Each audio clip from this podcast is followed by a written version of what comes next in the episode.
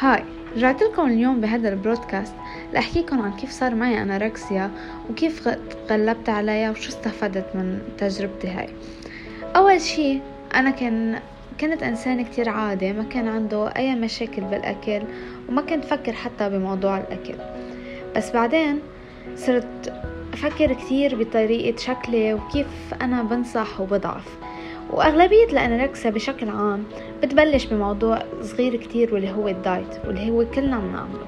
بس بال eating disorder ال diet ببطل diet. ال diet بصير مشكلة كتير كبيرة على الإنسان.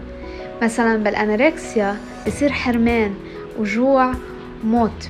أنت وعايش. بال binge eating بتصير تاكل بدون وعي بتبطل تفكر غير إنه أنت بدك تاكل. وبالبولوميا بتصير تاكل بشكل عادي بس بتروحهم كلهم بالاستفراغ وبالحمام. هذا الشي كتير بضر الإنسان بشكل عام لأنه الأكل ما لازم يكون عذاب. الأكل هو طريقة لحتى تكمل حياتك فيها بكل طاقة ومحبة. غير أنه في عالم كتير هو الأكل بالنسبة لها هو شي كتير حلو وخصوصي إذا بتجي وبتحرم حالك من هذا هذا الجمال كله رح تنضر كتير. وبوضع أنا صار في شيء اسمه أناركسيا أناركسيا حرمت حالي من أحلى شيء أنا كنت بحبه بالحياة واللي هو الأكل.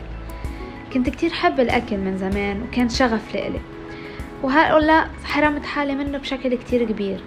لحتى ضريت حالي وصلت لشخص أنا ما كان بدي أوصل له.